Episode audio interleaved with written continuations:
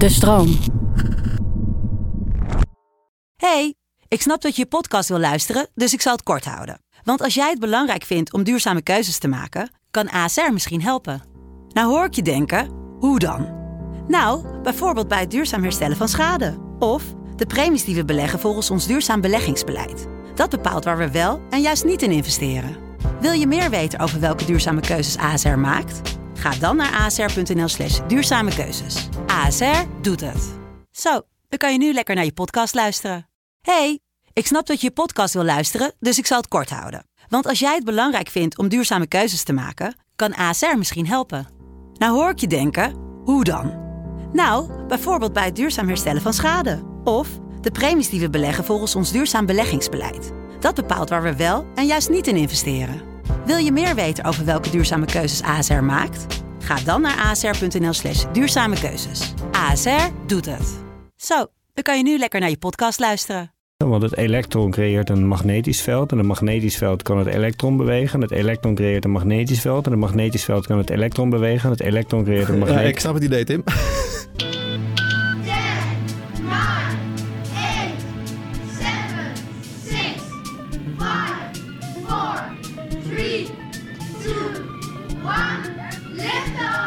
Welkom bij Bert ziet sterren, de populair wetenschappelijke podcast waarin ik samen met mijn goede vriend en promovendus theoretische natuurkunde iedere aflevering een duik neem in de wonderenwereld der natuurkunde. Hoe heet die goede vriend de promovendus theoretische natuurkunde? Dat heb je gewoon niet gezegd. Jawel, Bert ziet sterren. Welkom bij Bert ziet sterren, de populair wetenschappelijke podcast waarin ik iedere aflevering samen met mijn goede vriend en promovendus theoretische natuurkunde, Bert, weer een duik neem in de wonderenwereld der natuurkunde. Dankjewel voor deze wonderschone introductie. Vorige aflevering hebben wij het gehad over elektriciteit. Eh, dat was toen naar aanleiding van het elektromagnetisch veld. Zeker. Eh, Vond je het leuk? Ik vond het fascinerend. Nou, ik vond het wel vooral echt bizar dat je eh, elektronen dus heel langzaam gaan en de energie die ze overdragen heel snel. Dat vond ik leuk. Is ook wel vet. En ehm, we hebben deden dat naar aanleiding van het elektrisch, elektromagnetisch veld. Ja. Dus ik denk Ik voel waar je heen wil. dat we deze week, deze aflevering, over magnetisme gaan De hebben. andere kant van elektromagnetisme. Magnetisme. Zeker. Eh, of zeker. Eh, dat lijkt me interessant. Ik denk dat, dat, dat, je, dat het goed is om dat te bespreken. Ook omdat het alles te maken heeft met elektriciteit. Dus ik zei vorige aflevering ook al. Magnetisme en elektriciteit onlosmakelijk met elkaar verbonden. Eh, ja, wat, wat weet je zelf eigenlijk over magnetisme, Tim? Nou, ik had ooit, ik was wat later in, in, in het Pokémon gebeuren. Ja, wij zijn natuurlijk van een generatie dat je de Pokémon kaarten nog voor guldens kon kopen. Zeker. Eh, kaarten die nu tegenwoordig tonnen waard zijn. Als jij die ene Charizard hebt uit de eerste... Ik heb laatst nog gekeken trouwens en het viel bij mij... Nou, er waren er een paar die, als ik ze goed heb bewaard, toch wel zeg maar 70 euro waard waren. Maar ik heb ze Echt natuurlijk... veel, hè? Ik heb ze, ja, echt veel. Maar het, kon, het gaat geen tonnen, maar dan toch. Kan gewoon. Ehm, alleen heb ik ze natuurlijk gewoon tegen de muur aangepleurd en dat soort dingen. Dus ook, ik ben eigenlijk wel blij dat ik niet zo'n eh, zo'n kaart eh, heb die tonnen waard is. Want in dat geval was ik eh, nu echt de lul geweest omdat ik hem zo verneukt had. Nou, ik zit dus, ik, ik, ik had mijn eerste pakje gekocht van mijn spaargeld. En daar zat de, de, de, de Magneton als laatste in, de Nice. GT-kaart. Ja. En toen had ik een hele sluwe jongen in de klas. En die zei, oh ja, Magneton. Ja, nee, dat is jammer, want die is maar 60 eh, HP. Ik weet niet eens waar het voor staat. Zo Health weinig. points. Health gezondheidspunten. points. En hij is maar twee keer, één keer geëvalueerd. Ja, ja, ja. Ik heb hier een eh Bulbasaur evolutie. Hoe heet dat ding ook alweer? Venusaur. Venusaur voor je. En eh, die is veel meer waard. Toen dacht ik, nou ja, jij zal het wel weten. Je hebt vast ook het beste met ons allebei voor. Maar je hebt wel met terugrails gedaan, toch? Mag ik hopen? Nee, dat heb ik niet gedaan. Daar heb ik nog steeds spijt van. En ik zit net even te kijken. En eh, in goede staat was die kaart nu 591 dollar waard geweest. Ja, dat is jammer, Tim. Dat is jammer, hè? Ja. Nou, dat is mijn ervaring met eh, magneten. En heb je daar nog inhou- inhoudelijk iets van geleerd van deze Magneton? Of blijft het gewoon bij een soort van... Eh, dat de kans als je gaat magneet vissen Ja? vrij klein is dat je een pistool boven water haalt. Dit heb je geleerd van, dit, dit is- dat heb je geleerd van je Magneton? Nee, maar wel van magneten. Eigenlijk wil je gewoon zeggen, je weet eigenlijk vrij weinig van magnetisme. Ja, hoe werkt magnetisme? Eh, nou, dat heeft alles weer te maken met geladen deeltjes die bewegen. Dus met elektriciteit. En door de beweging van geladen deeltjes krijg je ook een magnetisch veld. Zo, ik heb wel, wel gezien, het heeft te maken met een elektrisch veld, maar ook met een magnetisch veld. En net zoals dat elektrische velden ervoor zorgen dat dingen elkaar kunnen aantrekken, doen magnetische velden dat ook. Je weet wel, de Noordpool van een eh, magneet of van een magnetisch veld wordt aangetrokken door de Zuidpool van een ander magnetisch veld. Dus daarmee kunnen dingen die magnetisch, eh, magnetische velden hebben naar elkaar toe gaan bewegen. Ehm, en dan hangt het dus precies af van hoe je elektronen laat stromen, welke kant op zo'n magnetisch veld gaat staan. En dat is hoe magnetisme werkt. Uiteindelijk gaat het allemaal om de beweging van die elektronen, die ervoor zorgen dat er naast het elektrische veld wat er al is, als ze gaan bewegen ook een magnetisch veld een bepaalde kant op staat. En dat zorgt dan voor magnetische interacties. Is het zo, want elektronen die eh, als ze gaan bewegen veroorzaken ze een magnetisch veld? Ja. En een magnetisch veld kan weer iets doen met elektronen. Ja, of met andere eh, objecten die ook een magnetisch veld hebben veroorzaakt. Kan je daarmee ook een, eh, met zo'n elektron, als je dat een zwiepert geeft, hè, kan je Ja. daarmee een, een perpetuum mobile creëren? Zo'n apparaat dat je één keer in gang zet en dat dan eeuwig blijft bewegen. Want het elektron creëert een magnetisch veld en een magnetisch veld kan het elektron bewegen. En het elektron creëert een magnetisch veld en een magnetisch veld kan het elektron bewegen. En het elektron creëert een Ja, magnetisch ik snap het idee, Tim. Eh, en het antwoord is nee. Uiteindelijk zal je met dit soort omzettingen van magnetische velden naar weer beweging van eh, elektronen of van andere dingen die magnetisch veld hebben, zal je altijd een beetje energie verliezen. Je kan er wel heel efficiënt dingen mee in elkaar omzetten. Dus je kan er wel heel efficiënt beweging mee omzetten in elektriciteit. Als je bijvoorbeeld een stroomdraad neemt in de vorm van een cirkel, een cirkelvormige stroomdraad, en die leg je plat neer en je stuurt er een stroom doorheen, dan ontstaat er een magnetisch veld. En op deze manier maak je bijvoorbeeld ook elektromagneten. Ik weet niet of je wel eens een elektromagneet hebt gezien, maar dat is altijd met zo'n spoel, weet je wel? Zo'n heel veel gewikkelde stroomdraad. Ja, waar, waar zou je dat eh, zien als je niet een nerd bent? Eh, nou, als je ooit... Ja, goede vraag. Nou, als je ooit een keer... eh, weet ik veel. Waar... Ja, waar ja, Jij vraag. hebt die dingen blijkbaar heel vaak gezien. Dus wat ik bedoel te zeggen is als je een... stel je neemt een spijker. En je wikkelt daar een stroomdraad omheen. In een, in een spiraalvorm. Ja, stel, ja, stel dat je dat doet, dan heb je wat je net omschreef. Ja, en als je dat doet, krijg je een magneetveld... wat aan de ene kant eh, met de spijker meewijst, met de Noordpool... en aan de andere kant met de Zuidpool de andere kant op wijst. Met andere woorden, je hebt een magneet gebouwd. En dat komt doordat je die stroom doorheen werkt. Dus dit is, dit is hoe magnetisme uiteindelijk ontstaat. Elk magnetisch veld ontstaat doordat je een stroom in een bepaalde richting laat lopen.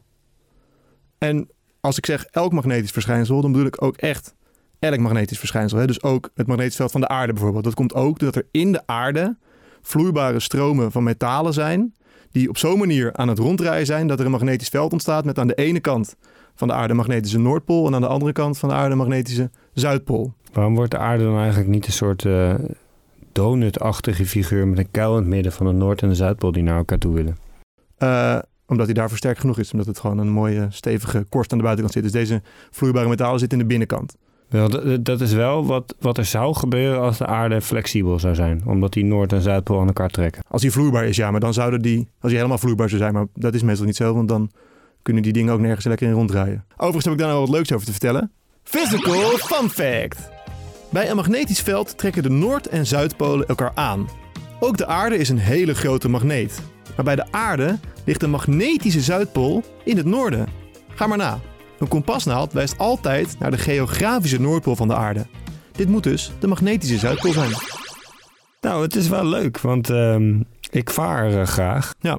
En eh, je leert dan op de zeevaartschool in Enkhuizen Ja. dat moderne hulpmiddelen zoals GPS notoir onbetrouwbaar zijn. Dus dat je daar eigenlijk beter helemaal geen gebruik van kunt maken. het echt? Is ja, echt? dat is echt. Dat is een beetje. Ze zijn vrij conservatief daar. En op zich het punt. Het is wel belangrijk dat ook als je een storm hebt en alles is kapot aan je boot, dat je ook op basis van een kompas nog de weg kunt vinden. Ja. Maar ja, GPS bestaat al 40 jaar en het is volgens mij eh, misschien één of twee keer eh, vrij lokaal platgelegd door de Maar Amerikaanse toch doe jij nog alles op je kompas. Ik kan alles op mijn kompas. Nice. En het is goed te weten dat eh, het geografische Noorden. noorden het magnetische zuiden. Ja, dat, eh, dan kan je, nu kan je echt alles met je kompas.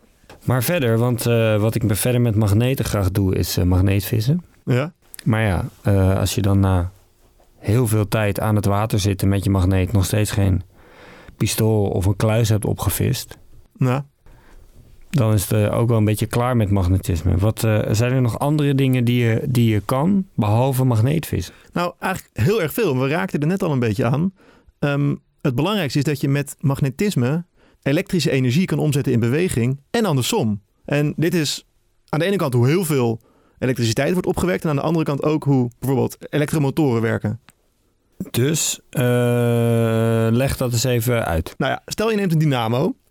Eh kan een fietsdynamo zijn of een enorme dynamo. Het idee achter een dynamo is dat daar een magneet in zit die een magneetveld levert. Dus met een noord- en een zuidkant. En als je dan in het binnenste van dat magneetveld iets gaat laten draaien, dan komt er doordat er iets draait in het magneetveld, eh, komen er elektronen in beweging. Met andere woorden, je, je wekt elektriciteit op. Dat is de basiswerking van een dynamo. Als je iets laat draaien in een magneetveld, kan je er stroom mee opwekken. Aan de andere kant werkt het precies zo, maar dan doe je het andersom. Op het moment dat je stroom stuurt door iets wat er in zo'n binnenste van een magneetveld zit, zal het gaan draaien. En dat zijn aan de ene kant die dynamo, aan de andere kant de elektromotor. En die eh, gebruiken we voor vrijwel eh, voor vrij veel. Dus als je een elektromotor hebt en je bouwt er een auto omheen, dan Ja. heb je een Tesla. Zeker. En als je vervolgens de Tesla gaat aanduwen, dan wek je er stroom mee op. Net zoals dat je dynamo van een fiets stroom opwekt. Altijd twee kanten op. Hadden ze beter de Trabant, de auto die in voormalig Oost-Duitsland werd geproduceerd, ook elektrisch eh, kunnen bouwen. Want het verhaal gaat dat daar dus, als je hem na drie jaar wachten op de Trabant, eindelijk mocht ophalen bij de fabriek, dat er geen benzine in zat, maar dat de fabriek gelukkig wel bovenaan de heuvel, gebouwd was. Ja. Dus dat je hem naar beneden kon duwen en dan beneden kon je tanken. Nou, hadden, we hadden ze slimmer gedaan. En eigenlijk wa- was het sowieso handig geweest als ze veel eerder aan de elektrische auto waren gegaan. Het is gewoon dat accu's heel moeilijk zijn om eh, goed te maken. Anders dan... eh, Maar goed, wat kan ik er meer, nog meer mee dan magneetvissen? Bijvoorbeeld wi- eh, windturbines of eh, stuwmeren of ehm, generatoren. Die maken allemaal gebruik van dit principe om stroom op te wekken. Dus die omzetting van beweging in elektrische energie, bewegingsenergie in elektrische energie, ja, dat is, daar is magnetisme echt heel erg belangrijk in. En daardoor heb jij er denk ik ook zeer veel mee te maken. Dat klopt. Gelukkig maar Tim, dat, dat even duidelijk is. En eh, we hebben het nu de hele tijd over elektromagneten. Ja. Eh, hoe zit dat met magneten die, we, die je zeg maar. Eh, die, die ja, volgens mij gewoon ook als er geen stroom in de buurt is. Bijvoorbeeld bij een eh, kompas Ja, inderdaad. of een magneet, vismagneet. Ja, Eh, hoe, dat, hoe dat dan zit. Ja. Ehm, nou, er zijn heel veel, dit wordt snel heel ingewikkeld. Er zijn heel veel verschillende soorten magnetisme aan de hand van de bepaalde stofeigenschappen die allemaal net even anders werken. Maar de variant waar wij het meeste mee bezig zijn, waar het meeste, die het meeste merkt, zijn inderdaad permanente magneten, zoals bijvoorbeeld in een kompasnaald. En dan heb je het bijna altijd over metalen. En de reden dat dat vaak in metalen zit, is omdat ook bij dit soort gevallen gaat het uiteindelijk om elektronen die kunnen bewegen. En in metalen kunnen elektronen eh, vaak lekker goed bewegen. En eigenlijk moet je dan nadenken over, over al die losse elektronen in een metaal als allemaal mini-elektromagneetjes. Dus op microschaal draaien ze allemaal één kant op, even simpel gesteld. En daardoor krijg je een magneetveld een bepaalde kant op. En nou is het leuke aan sommige metalen, zoals ijzer, dat dan al die micromagneetjes in ijzer allemaal dezelfde kant op kunnen gaan staan. Waardoor alle magnetische velden van de losse elektronen als het ware dezelfde kant op, op gericht zijn. Waardoor het materiaal als geheel een magneet wordt. Ben je er nog bij? ja, ik denk dat ik het wel heb. Nice. Weet ik hiermee ook genoeg van magnetisme in elektromagneten en in permanente magneten om de lift in te gaan? Nou, je voelt hem aankomen. Ik, eh, ik denk wel. Het is wel eh, weer een lastige, want eigenlijk missen we hier de hele tijd afbeeldingen. Ja, dat is bij dit onderwerp. eh, ja, maar een podcast met afbeeldingen, dan heb je een, eh, heb je een YouTube-video, Tim. Of een dia-presentatie. Kan ook. Eh, ik ga het proberen, maar wees gewaarschuwd. Je zou hier dus eigenlijk een plaatje bij nodig hebben. Dan stap ik de Space Shuttle lift in. En dan start ik mijn supersonische sportswatch. En dan hebben we het over magnetisme. En magnetisme en elektriciteit zijn onlosmakelijk met elkaar verbonden. Want als een elektron, een elektrisch geladen deeltje, gaat bewegen, dan ontstaat er niet alleen een elektrisch veld, maar ook altijd een magnetisch veld. En materialen die reageren op dit elektrisch veld, bijvoorbeeld een kompas, worden weer aangetrokken door het magnetisch veld.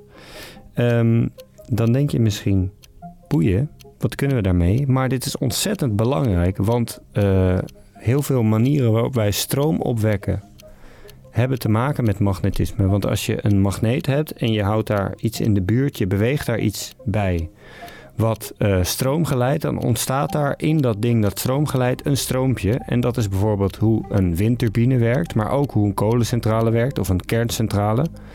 Eh, het is altijd iets magnetisch en iets wat stroom geleidt die samen stroom opwekken. En aan de andere kant, als je stroom door een dynamo heen jaagt, Dan heb je een elektromotor en kun je leuke auto's bouwen, zoals de Tesla.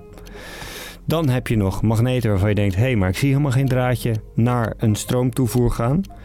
Eh, en dat zijn permanente magneten. Dat heeft te maken met de eh, draaiing die de elektronen in die materialen maken. Dus eh, dat is een- bijvoorbeeld ijzer kan een permanente magneet worden. En dan draaien de elektronen allemaal één dezelfde kant op. En dan heb je een pluspol de ene kant op en een minpol de andere kant op. Is. ehm, ja, maar ik, ik meende nou in jouw eh, pitch te horen dat kolencentrales elektromagnetisch zijn. Nee, elektriciteit opwekken door middel van magneten. Het is gewoon een hele grote dynamo, toch? Die aangedreven wordt met water, wat, ver- wat, wat stoom wordt, Ja, door kolen. Exact, maar dat, het leek net, ik denk dat de argeloze... Ik heb een minuut, hè, vriend? Ja, nee, maar ik denk dat de argeloze luisteraar nu dacht, huh, zijn kolen magnetisch. Water verwarmen en dan de turbine die je verwarmt met kolen, die wordt uiteindelijk weer aangedreven door een, een supergrote dynamo. En die dynamo werkt met magneten Inderdaad. en dingen Dus- die stroom geleiden. Inderdaad, dus dat is een hele slimme manier om elektriciteit op te wekken. Ik wilde het maar even gezegd hebben. Nee, ik ben blij dat je dit nog even verheldert. Ik ging weer te snel. Je ging, ja, je ging weer te snel. Ehm, Verder? eh, verder niks, Tim. Ik zou zeggen, eh, denk hier af en toe een keer aan als je je, je, je oven aanzet. Dat het allemaal eh, dankzij magnetisme is dat we hier, eh, hier überhaupt aan kunnen beginnen. En als ik aan het varen ben en wil weten waar het noorden is. Ook dat. Dan denk je, daar is het noorden, oftewel het magnetische zuiden. Dan was dit Bert ziet sterren voor deze week. Wil jij nou als een magneet alle nieuwe afleveringen van Bert ziet sterren in je inbox terecht laten komen? Klik dan op volgen in je favoriete podcast app. Dan komen de nieuwe afleveringen vanzelf door je brievenbus. Als je er dan toch bent, geef ons dan een recensie. Geef Bert iets tegen sterren, daar zijn we echt gek op. En heb je vragen of wil je zelf een onderwerp aandragen? Mail dan naar bertzietsterren.de-stroom.nl Voor nu zou ik willen zeggen hartelijk dank voor het luisteren. En tot de volgende ster. Hatsa.